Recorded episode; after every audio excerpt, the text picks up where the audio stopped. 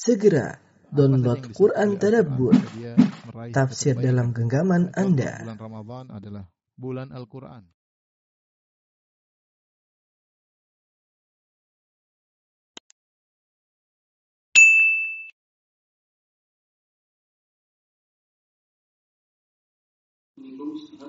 Waalaikumsalam warahmatullahi wabarakatuh. Ya. Jazakallah khairan.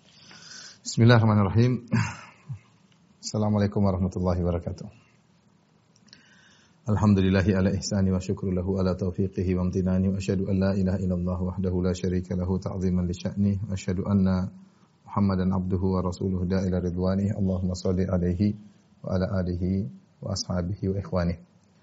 Uh, ikhwan akhwat, Bapak dan Ibu-ibu, jemaah uh, Majelis Ta'lim Denurs yang dirahmati oleh Allah Subhanahu wa taala. Kita melanjutkan bahasan kita dari uh, menelaah ayat-ayat dalam surat An-Nur.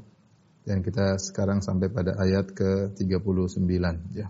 Pada ayat-ayat sebelumnya Allah Subhanahu wa taala menjelaskan tentang bagaimana orang-orang beriman yang mereka beramal soleh dan Allah Subhanahu wa taala memberikan cahaya dalam dada mereka mereka penuh dengan keimanan, mereka mendapatkan ganjaran yang besar pada hari kiamat kelak.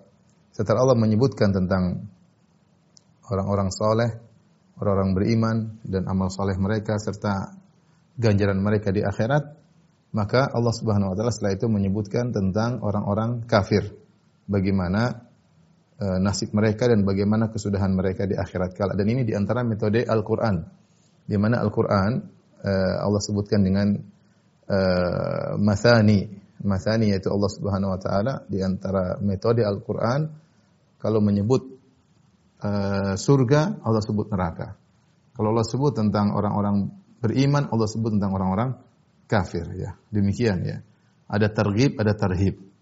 Sehingga uh, masuk dalam diri seseorang, jiwa seseorang ada ar-raja, harapan dan ada al-khauf ketika seorang membaca ayat-ayat tentang surga, tentang orang beriman, maka timbul roja pengharapan dalam dirinya dengan harapan yang kuat. Kemudian ketika dia membaca ayat-ayat tentang orang-orang kafir, bagaimana nasib mereka di akhirat, bagaimana adab neraka jahanam, maka timbul rasa khauf, rasa takut dalam diri mereka. Dan hendaknya demikian seorang mukmin senantiasa dalam dirinya ada roja dan khauf. Dia tidak boleh selalu berharap sehingga akhirnya dia menggampangkan terlalu pede masuk surga dan dia juga tidak terlalu khauf ya sehingga ketakutan luar biasa seakan-akan putus asa. Tapi seorang mukmin demikian antara roja dan khauf. Dan ini datang dalam banyak ayat. Di antaranya Allah Subhanahu wa taala berfirman amman huwa qanitun ana al-laili sajidan wa qa'iman yahdharul akhirata wa yarju rahmata rabbih. Seperti orang yang uh, apakah sama seperti orang yang di malam hari dia sholat malam, kemudian uh, yahdarul akhirah dia khawatir dengan hari akhirat, wajar wayarju rahmat rabbih dan dia berharap rahmat Allah Subhanahu wa taala. Jadi dia ketika sholat malam bergabung dalam dirinya antara berharap dan takut. Berharap rahmat Allah dan takut dengan adab Allah. Demikianlah seorang mukmin. Demikian juga Allah menyebutkan para anbiya di mana sifat mereka wa yad'unana raghaban wa rahaban.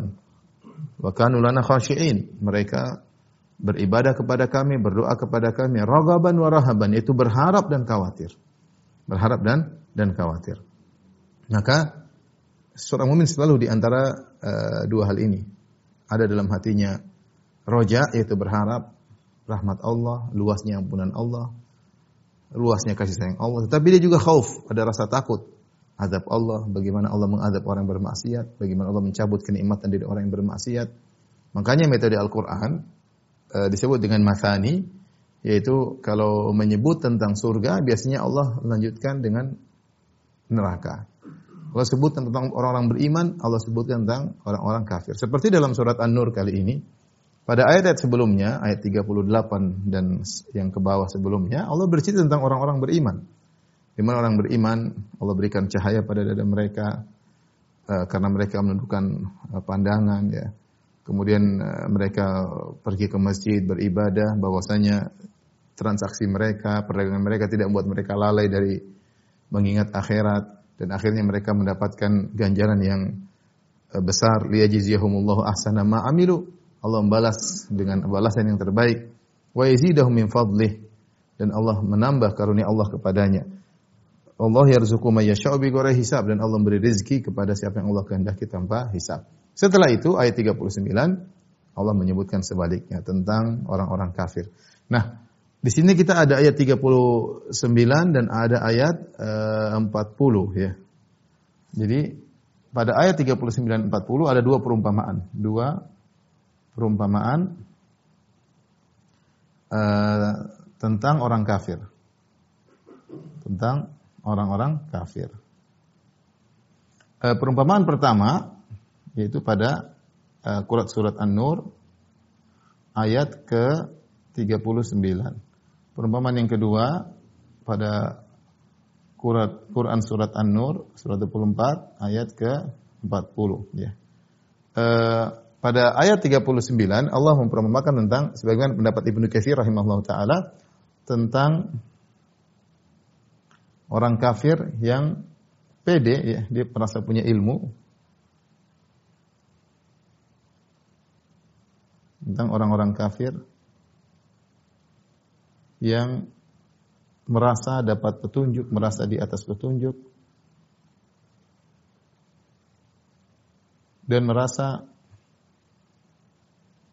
bahwa amalnya akan bermanfaat baginya di akhirat, bahwa amalnya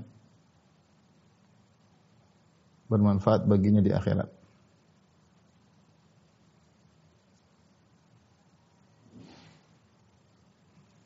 Dan sebagian ulama mengatakan bahwasanya perumpamaan seperti orang-orang eh, apa namanya orang-orang yang menyeru kepada kekufuran. Dia menyangka bahwasanya dia di atas kebenaran. Ternyata hakikatnya ternyata tidak. Namun hakikatnya kebalik namun hakikatnya terbalik. Kita bacakan ayatnya, ayat 39, Allah berfirman, uh, perhatikan, Walladzina kafaru a'maluhum kasarabin biqi'atin yahsabuhu dhama'anu ma'a. Kata Allah Subhanahu wa taala, orang-orang kafir, amalan mereka itu kasarab. Sarab itu adalah fata morgana.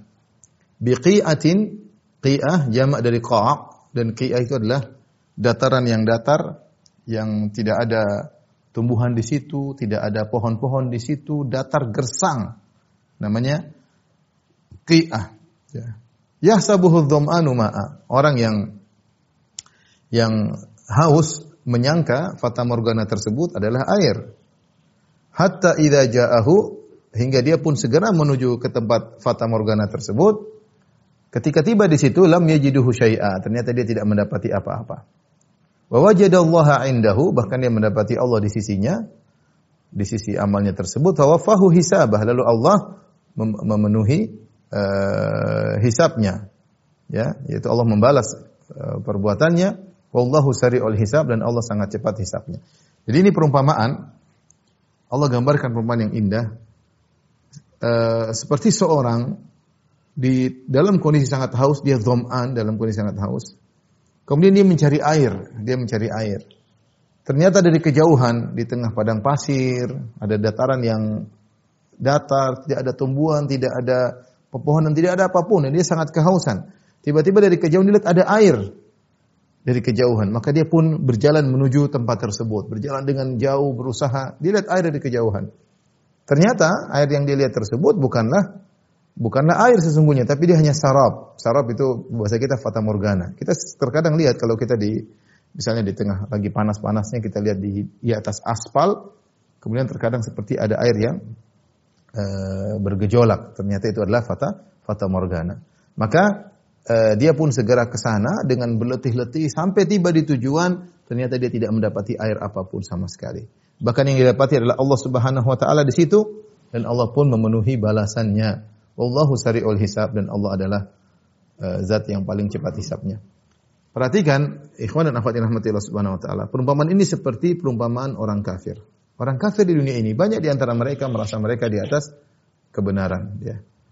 Ya, wahum yahsabuna annahum yuhsinuna sun'a. Kata Allah, "Qul hal nunabbi'ukum bil akhsarina a'mala?" Maukah aku kabar kami kabarkan kepada kalian tentang orang yang paling merugi amalannya? Ya. Alladzina dhalla sa'yuhum fil hayatid dunya. Orang-orang yang di dunia mereka sesat perbuatan mereka, wa hum yahsabuna annahum yuhsinuna sun'a. Sementara mereka menyangka mereka telah melakukan yang terbaik. Mereka sesat tapi mereka mereka mereka menyangka mereka di atas hidayah. Mereka menyangka bahwasanya mereka akan dapat ganjaran di akhirat kelak. Ini orang-orang uh, kafir ya. Uh, dalam ayat yang lain kata Allah Subhanahu wa taala wa yahsabuna annahum muhtadun. Dan mereka menyangka mereka dapat hidayah padahal padahal tidak. Seperti orang-orang musyrikin Arab dahulu, ya mereka menyembah para berhala karena mereka menyangka berhala-berhala tersebut akan beri syafaat bagi mereka pada hari kiamat kelak atau syafaat ketika di dunia atau di akhirat kelak. Makanya ketika ditegur, kenapa kalian menyembah berhala-berhala tersebut? Kata mereka, haulai syufa'auna indallah. Mereka sembahan-sembahan kami adalah pemberi syafaat-syafaat bagi kami di sisi Allah. Dalam ayat yang lain mereka mengatakan, "Ma da'buduhum illa liqarribuna ila Allah zulfa." Kami tidak menyembah mereka kecuali untuk mendekatkan kami kepada Allah Subhanahu wa taala. Demikianlah orang-orang kafir, banyak di antara mereka yang bersedekah, beramal soleh. Mereka menyangka mereka akan mendapatkan ganjaran mereka pada hari kiamat kelak. Namun ternyata mereka tidak dapat sama sekali. Ketika di hari kiamat dalam kondisi genting, dalam kondisi mereka kepayahan, dalam mereka dalam kondisi kesulitan, mereka berharap mendapatkan balasan tersebut. Tapi apakah mereka mendapatkan balasan tersebut? Jawabannya tidak sama sekali. Kata Allah Subhanahu wa taala dalam Al-Qur'an dalam banyak ayat di antaranya Allah Subhanahu wa taala berfirman, "Wa qadimna ila ma amilu min amalin faja'alnahu haba'an mansura." Maka kami hadirkan ya, Eh, kepada mereka ya pahala-pahala perbuatan mereka faja'alnahu haba'an mansura kami datang kepada amal perbuatan mereka ya mereka mungkin di antara mereka sedekah di antara mereka ada yang kemanusiaan di antara mereka ada yang banyak mereka melakukan uh, mereka berdoa kepada selain Allah mereka beribadah kepada selain Allah. Mereka menyangka itu semua bermanfaat bagi mereka. Allah hadirkan tiba-tiba Allah hancurkan seluruhnya. Faja'alnahu haba'an mansura seperti uh, debu yang berterbangan. Demikian juga Allah Subhanahu wa taala berfirman dalam ayat yang lain, "Wa mathalul ladzina kafaru bi rabbihim a'maluhum karamadin ishtaddat bihi ar-rihu fi yawmin 'asif la yaqdiruna mimma kasabu ala syai' dzalika huwa dhalalul ba'id" dalam surat Ibrahim. Kata Allah Subhanahu wa taala perumpamaan orang-orang kafir, amal mereka itu berumpama seperti apa? Seperti debu debu ya debu sesuatu yang sangat ringan Orang kalau habis bakar-bakar ada debu, romat, debu. Lebih ringan daripada pasir. Debu, kita tiup langsung berterbangan. Seperti debu yang berada di angin yang sangat kencang. Ditiup oleh angin yang sangat kencang. Kita nggak usah angin yang kencang, kita tiup debu saja gini sudah hilang. Apalagi angin tersebut sangat kencang. Ya, fiyaumin asif ditiup oleh angin di hari yang di mana angin tersebut sangat kencang. Kata Allah, la yaqdiruna mimma kasabu ala syai'. Mereka tidak mampu mendapatkan apa pun dari yang pernah mereka lakukan di dunia. Inilah kesudahan orang-orang kafir. Mereka menyangka apa yang mereka lakukan bermanfaat, namun sama sekali tidak. Sampai Allah sebutkan di antara mereka orang kafir ada yang berinfak. Berinfak, mereka menyangka infak mereka akan mengantarkan mereka kepada surga, justru mengantarkan mereka kepada neraka.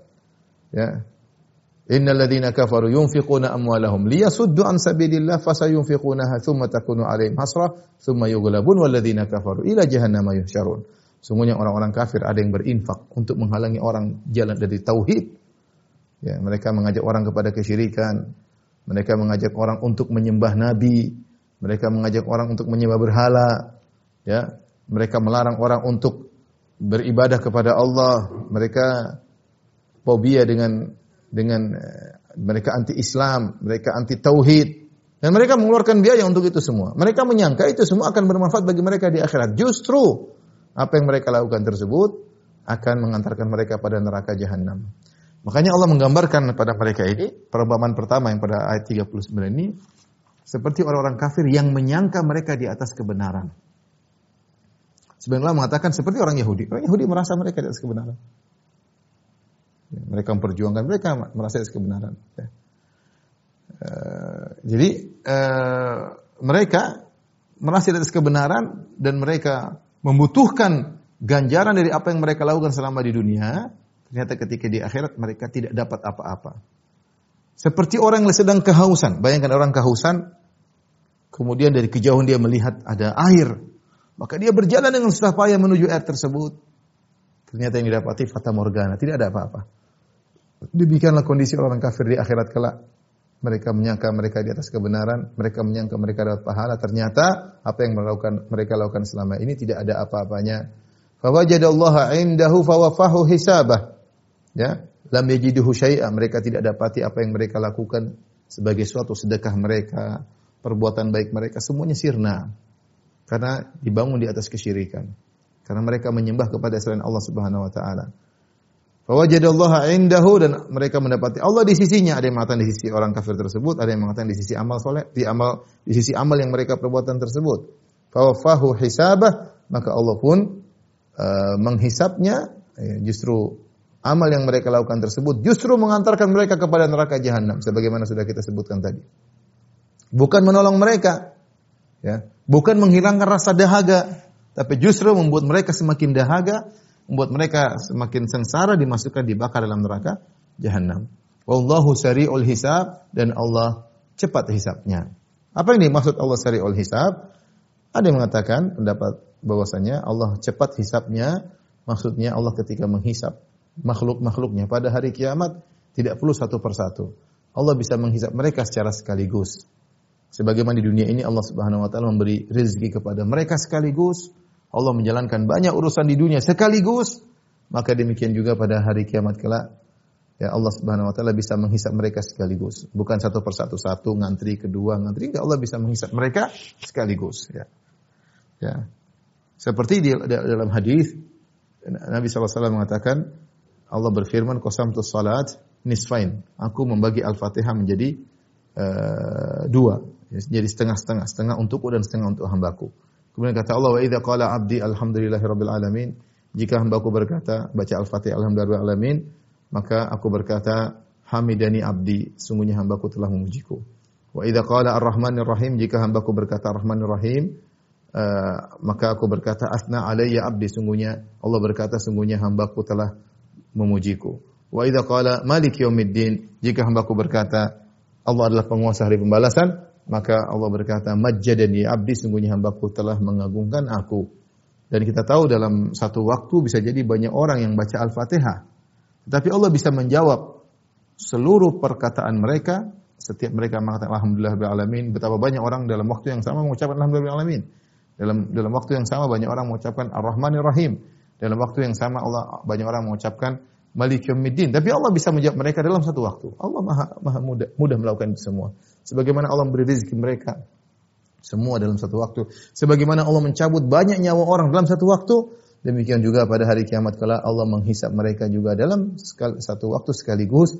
Makanya Allah disebutkan sari'ul hisab. Allah cepat hisapnya. Beda dengan manusia, manusia ya, eh, apa namanya? Kalau mau menghisap ya, ngantri, tidak mampu dia menghisap sekaligus. Yang kedua, eh, ketika Allah menghisap, beda dengan manusia. Kalau manusia ketika dia ingin mengaudit, dia harus mengumpulkan data, kemudian dia harus menghitung-hitung. Allah tidak perlu karena semua data sudah ada pada Allah. Allah tinggal menampakkan. Beda dengan manusia ketika dia mengaudit seseorang, dia mengumpulkan data, database-nya dia lihat, dia bandingkan. Jadi butuh waktu yang lama. Adapun Allah ketika menghisap tidak perlu karena semua data sudah di hadapan Allah, sudah dalam ilmu Allah, tinggal Allah tampakkan. Makanya Allah sari'ul hisab. Atau pendapat yang berikutnya mengatakan seru oleh hisab, Allah cepat hisabnya, artinya hari kiamat itu cepat datang. Ya. Betapapun panjang dunia ini, uh, dunia ini hanyalah sebentar. Ya, dunia ini hanya uh, sebentar. Allah sering mengatakan tentang dunia, qalil, dunia itu hanyalah sebentar. Makanya disebut dengan dunia, dunia itu disebut dunia karena dia hina, dani, dan dia dari dunu, yaitu dekat dekat. Ya. Dunia itu uh, dekat. Tiba-tiba kita sudah masuk di alam akhirat. Makanya Rasulullah SAW menyamakan waktu dunia ini seperti orang yang sedang singgah di sebuah pohon. Kata Nabi SAW, Mali walid dunya, innama mathali wa mathalud dunya karakibin istadhalla tahta syajarah, thumma raha fatarakaha. Apa urusanku dengan dunia? Sungguhnya perumpamanku dengan dunia seperti seorang yang mampir di bawah sebuah pohon, kemudian istirahat sebentar, kemudian ditinggalkan pohon tersebut. Itulah uh, kenapa disebut syari'ul hisab, Allah cepat hisabnya karena segera. Jadi syari'ul hisab itu hisab Allah segera bagaimanapun kita lama hidup di dunia ini kita pasti akan uh, segera dihisab, cepat atau lambat. Ya, orang-orang kafir sebagaimana mereka di dunia ini dengan senang-senangnya, terkadang di antara mereka ada yang menzolimi, mereka bersifat eh, congkak, sombong, ya, angkuh, akan ada hisapnya, cepat atau lambat. Dan cepat, dunia ini cuma sebentar. Silakan bersenang-senang, ya. Tamatta'u qalilan, silakan bersenang-senang. Setelah itu kalian akan segera dihisap oleh Allah Subhanahu wa taala. Ini perumpamaan yang pertama yang eh, disebutkan oleh Allah dalam surat An-Nur ayat 39. Taib uh, yang perumpamaan kedua kata Allah Subhanahu wa taala, "Au kadzulumatin fi bahri lujiyyin." Ya. Au kadzulumatin fi bahri lujiyyin. Au kadzulumat, perumpamaan kedua itu seperti amalnya orang-orang kafir itu seperti zulumat dalam kegelapan-kegelapan. Ya. Seperti kondisi gelap gulita di malam hari. Fi bahri lujiyyin. Di dalam sebuah lautan, luji. Luji itu yang sangat dalam, yang tidak diketahui ujungnya saking dalamnya. Kan laut semakin dalam semakin gelap. Ya, lujiyin. Yakshahu maujun min fawqihi maujum min fawqi sahab. Yang lautan tersebut sudah dalam kegelapan malam, kemudian dalam kegelapan lautan yang dalam, kemudian ada ombak yang di atasnya yang juga membuat semakin gelap. Maujum min fawqihi mauj. Kemudian di atas ombak tersebut ada ombak yang lain lagi. Ya, sahab. Di atasnya lagi min fauqi sahab ada ada awan. Kata Allah zulumatun ba'daha fawqa ba'd. Ini adalah kegelapan yang bertubi-tubi, yang bertumpuk satu di atas yang lainnya. Idza akhraja yadahu lam yakad yaroha. Jika dia mengeluarkan tangannya, dia hampir tidak bisa melihat tangannya saking gelap di sekitarnya.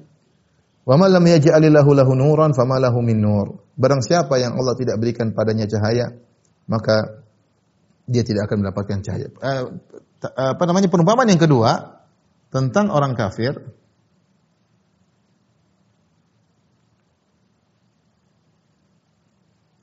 yang berada dalam kebingungan dalam kebingungan kejahilan tidak yakin dengan tidak tidak kuat apa namanya Eh, keyakinannya hanya sekedar ikut-ikutan, hanya sekedar tidak logis, ikut-ikutan, akidah yang tidak logis. Allah gambarkan bagaimana mereka dalam kegelapan dalam kegelapan. Seperti orang yang menyembah berhala. Apa? Apa berhala mereka yang pahat mereka sembah? Gimana? Gak logis. Mau dilogis-logis kan gak bisa. Seperti orang yang menyembah nabi, nabi dianggap misalnya Tuhan punya anak, nggak logis susah. Bagaimana pikir Tuhan punya anak? Nggak logis. Tuhan beranak misalnya, nggak logis. Gimana? Tuhan dua, Tuhan tiga, nggak logis. Mau dipaksa-paksa nggak logis ya, nggak bisa. Ya, apalagi yang menyembah sapi, menyembah uh, hewan, nggak logis. Ya. Seperti orang-orang yang menyembah mayat, gimana mayat sudah mati kamu sembah? Nggak nggak logis. Kegelapan di atas kegelapan. Tidak ada yang cahaya kecuali cahaya tauhid. Cahaya tauhid. Mereka berusaha melogis-logiskan, akhirnya banyak di antara mereka yang sekedar ikut-ikutan. Taklid buta terhadap apa yang mereka lakukan, berusaha melogis-logiskan sesuatu yang tidak logis. Ya.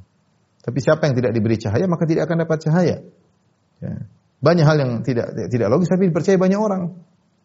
Tidak logis, tapi begitu tertutup hati, tidak dapat hidayah, maka maka eh, apa namanya ikut-ikutan. Tapi di sini ada beberapa kegelapan dalam ayat ini, beberapa kegelapan. Yang Allah gambarkan. Pertama adalah gelapnya malam. Gelapnya malam, zulumat. Kemudian gelapnya lautan. Lautan yang dalam. Kemudian lautan tersebut ditutup ombak semakin menjadi gelap, lautan ombak. Kemudian ombak yang lain ditumpuk dengan ombak yang lain lagi.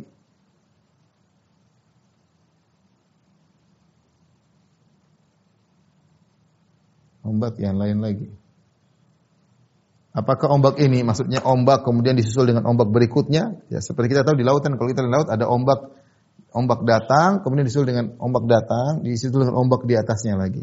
Atau dua ombak yang saling bertemu saling menghantam. Intinya di atas lautan tersebut ada ombak. Kemudian di atas juga ada awan. Awan yang menutup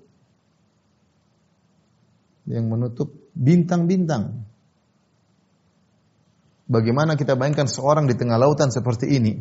Dia di tengah lautan, kemudian dia di bawah lautan yang sangat dalam, di atasnya ada ombak, gelap gelap malam, kemudian tidak ada lampu sama sekali, kemudian ada awan yang menutup sehingga tidak bisa melihat tidak bisa melihat bintang-bintang. Terlebih lagi kata Asyaukani rahimahullah, jika ombak tersebut mengeluarkan hujan maka gundah gulana, kegelisahan, keputusasaan mengitari dirinya. Inilah gambaran kira-kira tentang orang kafir yang mereka amal mereka seperti ini.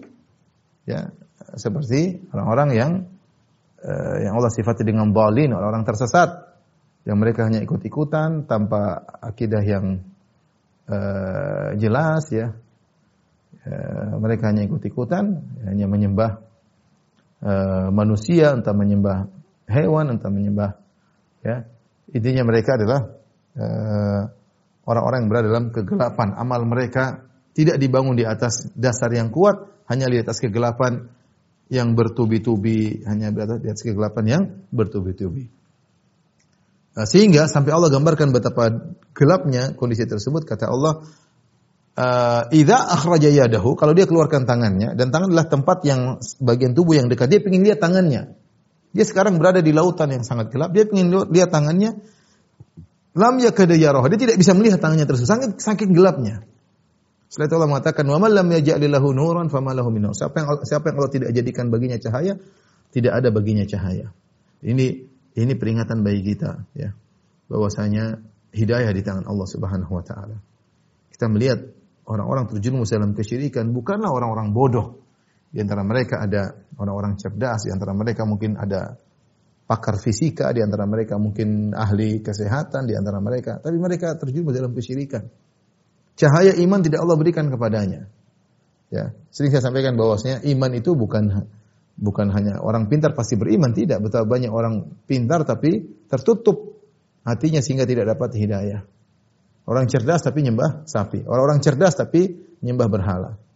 Pahala dia eh, berhala dia yang pahat sendiri kemudian dia yang sembah berhala tersebut ya. Orang cerdas tapi menyembah e, mengatakan Tuhan berbilang. Enggak logis. Makanya ketika kita masalah keimanan jangan bersandar pada pede pada diri kita sendiri, tidak kita selalu serahkan kepada Allah.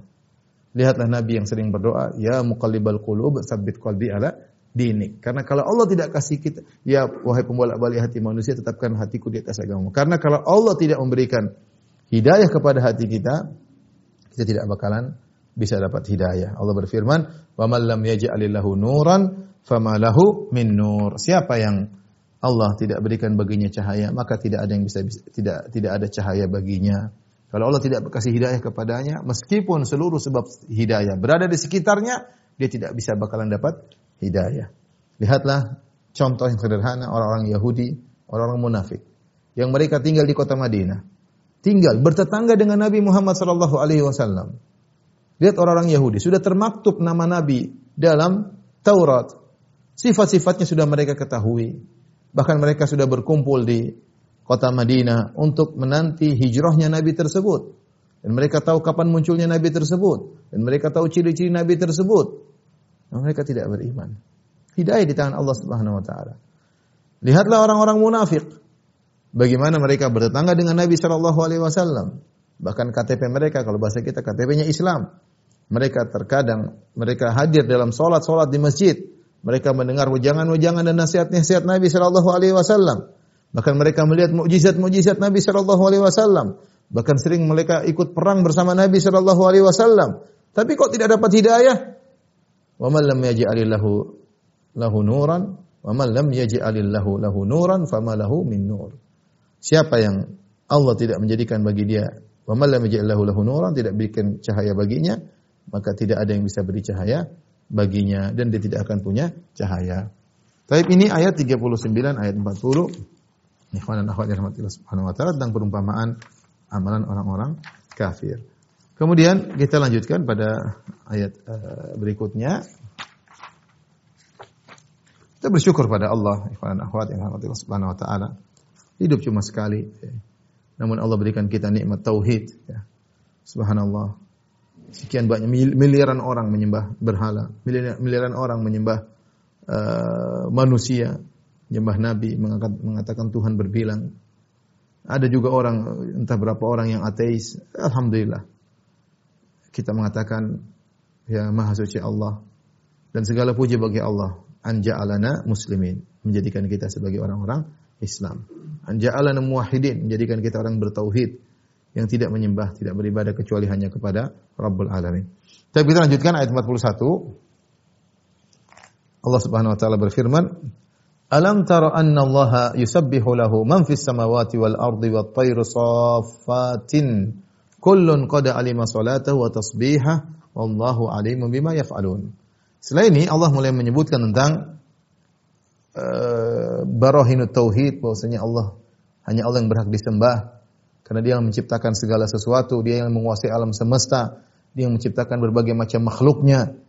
Hanya dia yang berhak disembah, ya para nabi tidak berhak disembah karena tidak menciptakan apa-apa. Apalagi hewan yang hina kemudian malah disembah, apalagi berhala-berhala yang dipahat oleh manusia. Yang berhak disembah hanyalah Allah. Maka Allah mulai menyebutkan di antaranya firman Allah, "Alam tara anna Allah yusabbihu lahu ma samawati wal ard."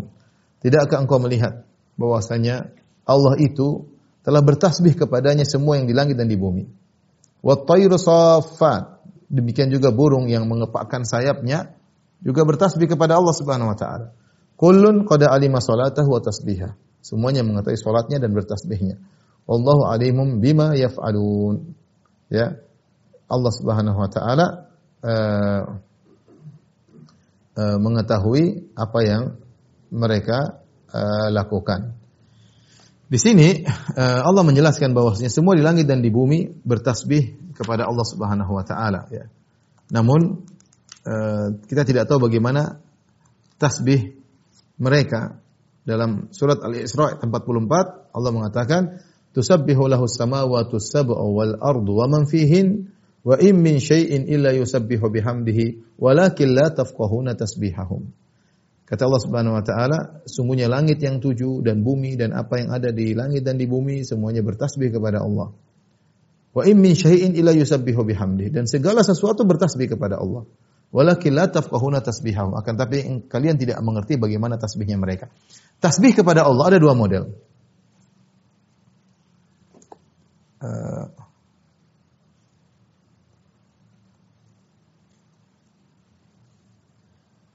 tasbih yaitu mensucikan Allah.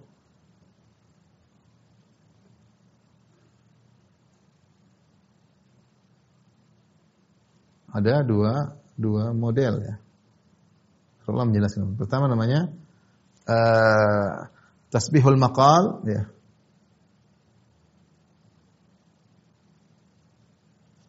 Kemudian yang kedua tasbih al-ahwal atau al-hal.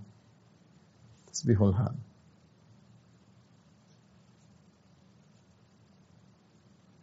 Maqal maksudnya bertasbih dengan bertasbih dengan lisan, dengan ucapan.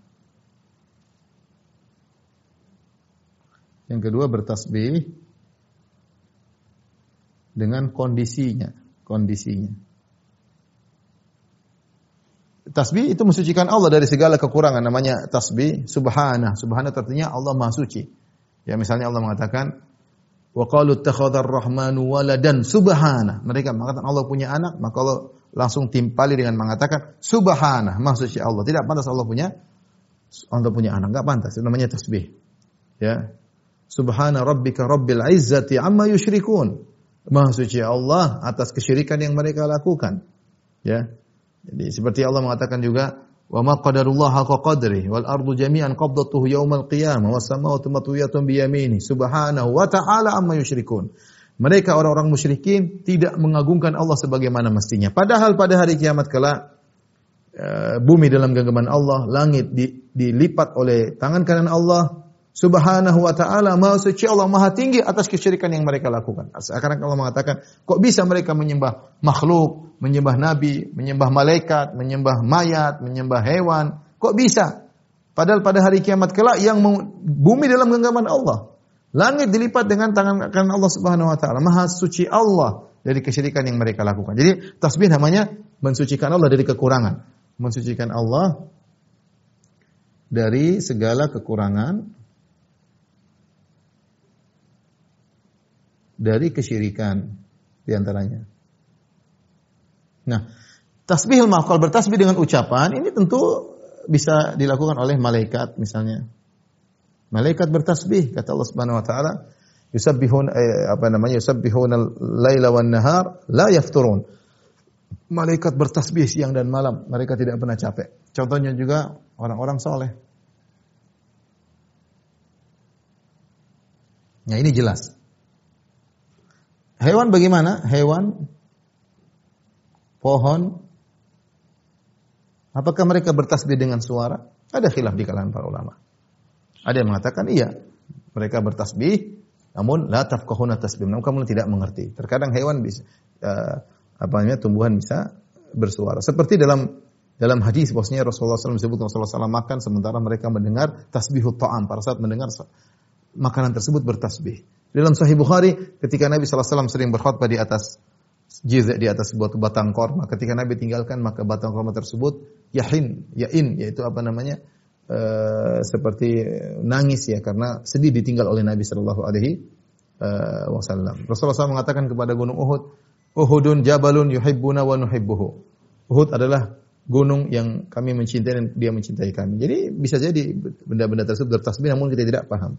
Ini pendapat pertama. Pendapat kedua, mereka mengatakan bahwasanya uh, pohon dan hewan-hewan, mereka bertasbih bukan tasbih makol tapi tasbihul hal. Yang kedua tasbihul hal. Tasbihul hal itu apa? Kondisi maksudnya maksudnya kondisi makhluk-makhluk Allah menunjukkan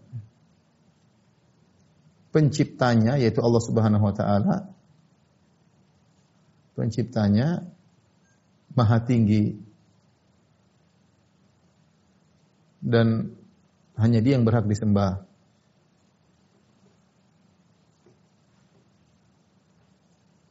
Ini pendapat sebagian uh, ulama. Ya, kalau kita melihat hewan-hewan, melihat pohon-pohon, kita yang menciptakan ini yang berhak untuk disembah. Tidak, tidak, bukan pohon yang disembah, bukan hewan yang disembah, tapi yang menciptakan hewan dan pohon-pohon yang berhak untuk disembah.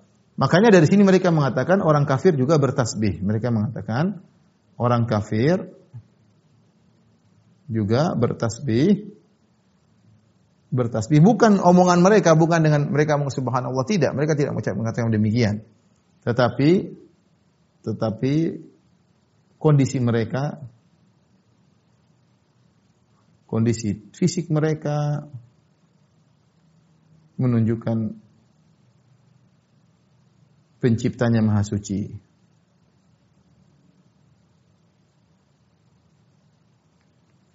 Ya, mereka fisik mereka seperti itu dan mereka juga di bawah uh, naungan Allah Subhanahu wa taala ya. Intinya ini namanya tasbih. Jadi seakan-akan sebenarnya mengatakan semua bertasbih. Kalau orang beriman mereka bertasbih dengan makal subhanallah subhanallah malaikat orang beriman. Mungkin pohon dan hewan juga bertasbih kita tidak paham.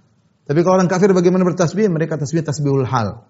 Tasbihul hal maksudnya kondisi mereka menunjukkan pencipta mereka adalah maha maha suci. Allah alam bisawab. Ya. Uh, ini apa namanya?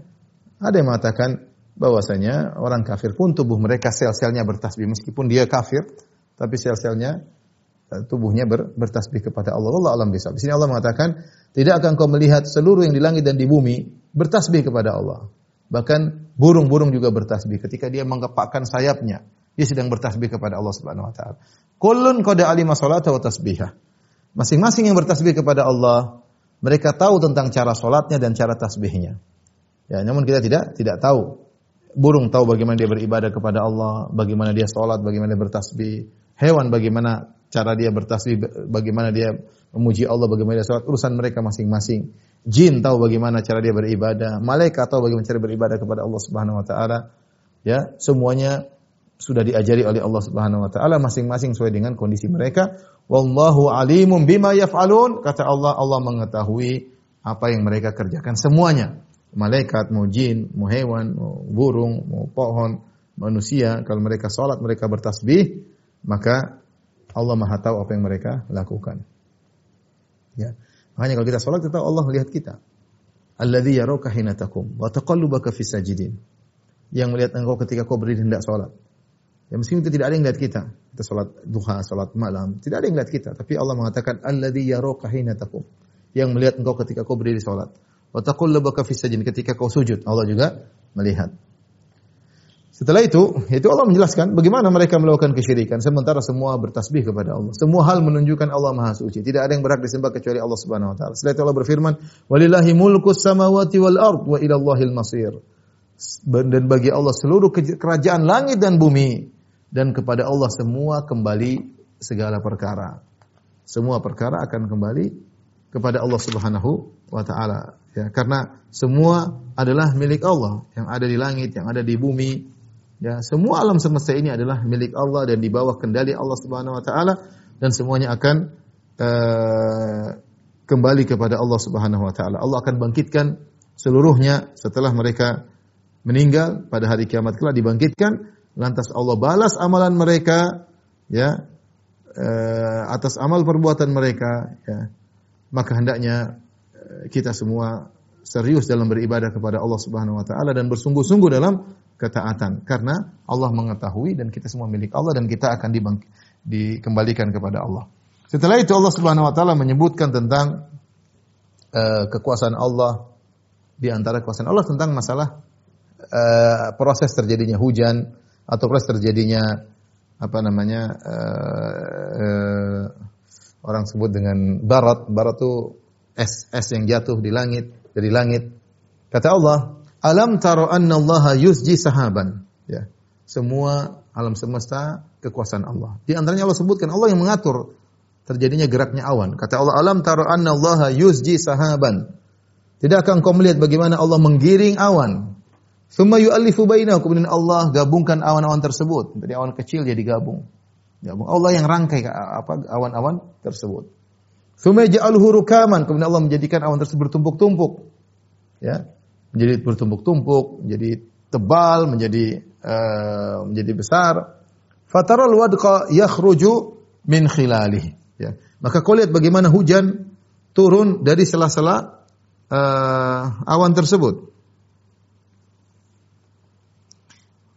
Bagaimana hujan al-wadqa maksudnya hujan yang keluar dari celah-celahnya. Subhanallah Allah tidak menjadikan hujan jatuh sekaligus besar tapi Allah dari celah-celah awan jadi rintik-rintik. Jadi butir-butir ya. Ini di antara kuasaan Allah. Seandainya kalau awan tersebut berisi hujan langsung jatuh sekaligus misalnya uh, satu kolam begitu jatuh dari langit maka orang akan menderita. Rumah bisa hancur, mobil bisa hancur. Air itu berat, masanya berat. Kalau jatuh dari langit kemudian menimpa sesuatu maka bisa bisa hancur. Tapi tidak, Allah jatuhkan Fataral uh, wad yakhruju min khilali. Kamu lihat bagaimana rintikan-rintikan hujan keluar dari sela-sela awan. Subhanallah. Sampai Ibnu Qayyim menyebutkan dalam Miftah dari Sa'adah setiap setiap butir air hujan itu terkena posisinya. Dia tidak akan nempel di tengah di udara misalnya 10 nempel kemudian turun enggak, masing-masing dari langit satu titik. Makanya kalau kita naik mobil kita lihat di depan kaca itu tas tas tas satu-satu. Bukan langsung lima kumpul gitu enggak. Setiap setiap titik air sudah mengenai tugasnya, dia akan mengenai lokasi ini. Ini tidak bergabung di di atas, subhanallah. Fatral warqa yakhruju min khilalihi. Setelah itu Allah sebutkan lagi, selain hujan yang turun, Allah turunkan barat. Barat itu uh, saya di sini nggak pernah lihat ini, tapi kalau di Madinah saya pernah. Jadi seperti batu es. Tak, jadi begitu turun, jadi saya pernah lihat sekali aja ya. Enggak tahu sekarang apa sering terjadi, tapi waktu saya masih kuliah, tiba-tiba turun keluar hujan es. Jadi kena tak tak tak. Jadi kalau kena bunyi ya, karena dia batu, batu es, bukan salju, bukan, tapi batu es. Kata Allah Subhanahu wa taala, Wa yunazzilu minas sama'i min jibalin fiha min barat. Maka Allah menurunkan dari langit dari gunung di situ ada barat. Barat tadi apa namanya? batu es. Di sini kalau terjemahkan eh, diterjemahkan Allah juga menurunkan butiran-butiran es dari langit yaitu dari gumpalan-gumpalan awan seperti gunung-gunung.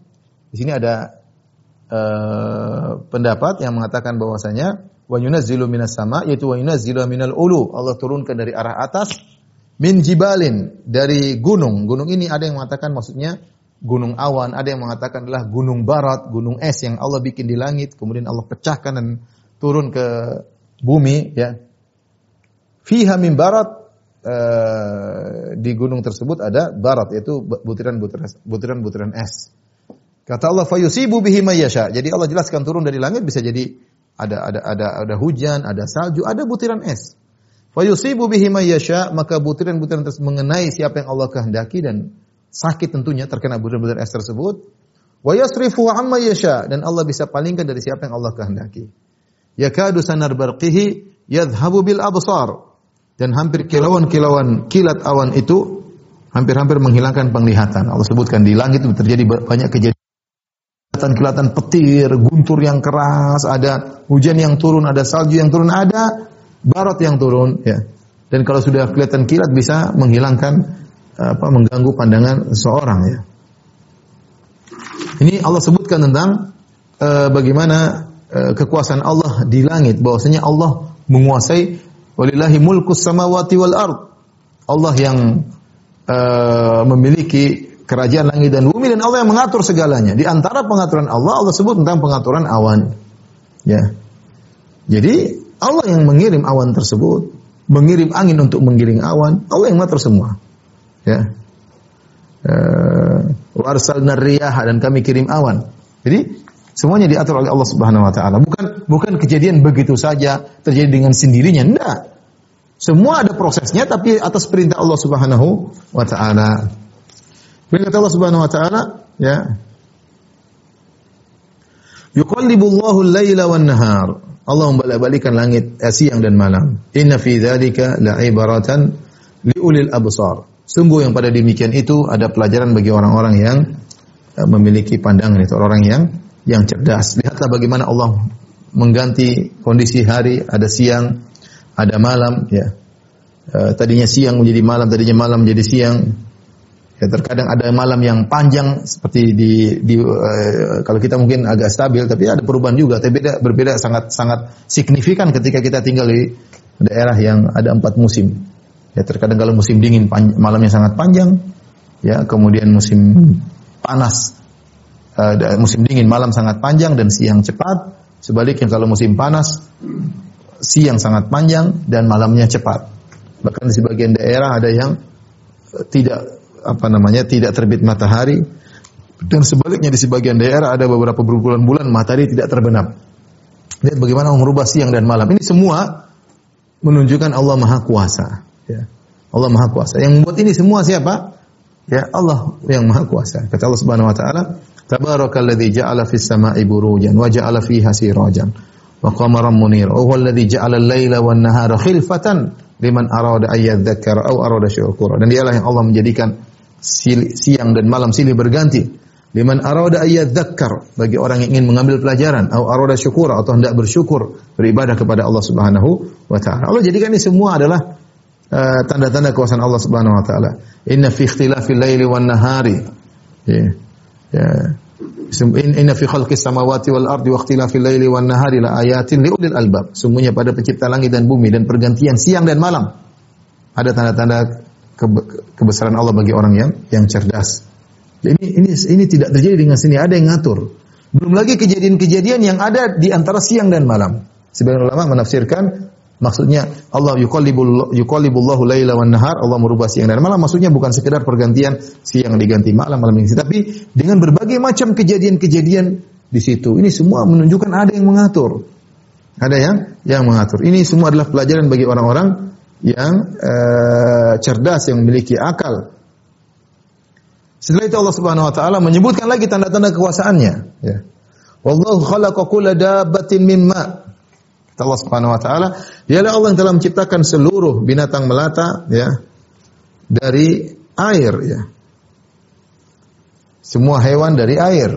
Faminhum man yamshi ala batnihi di antaranya ada yang berjalan di atas perutnya seperti seperti ular.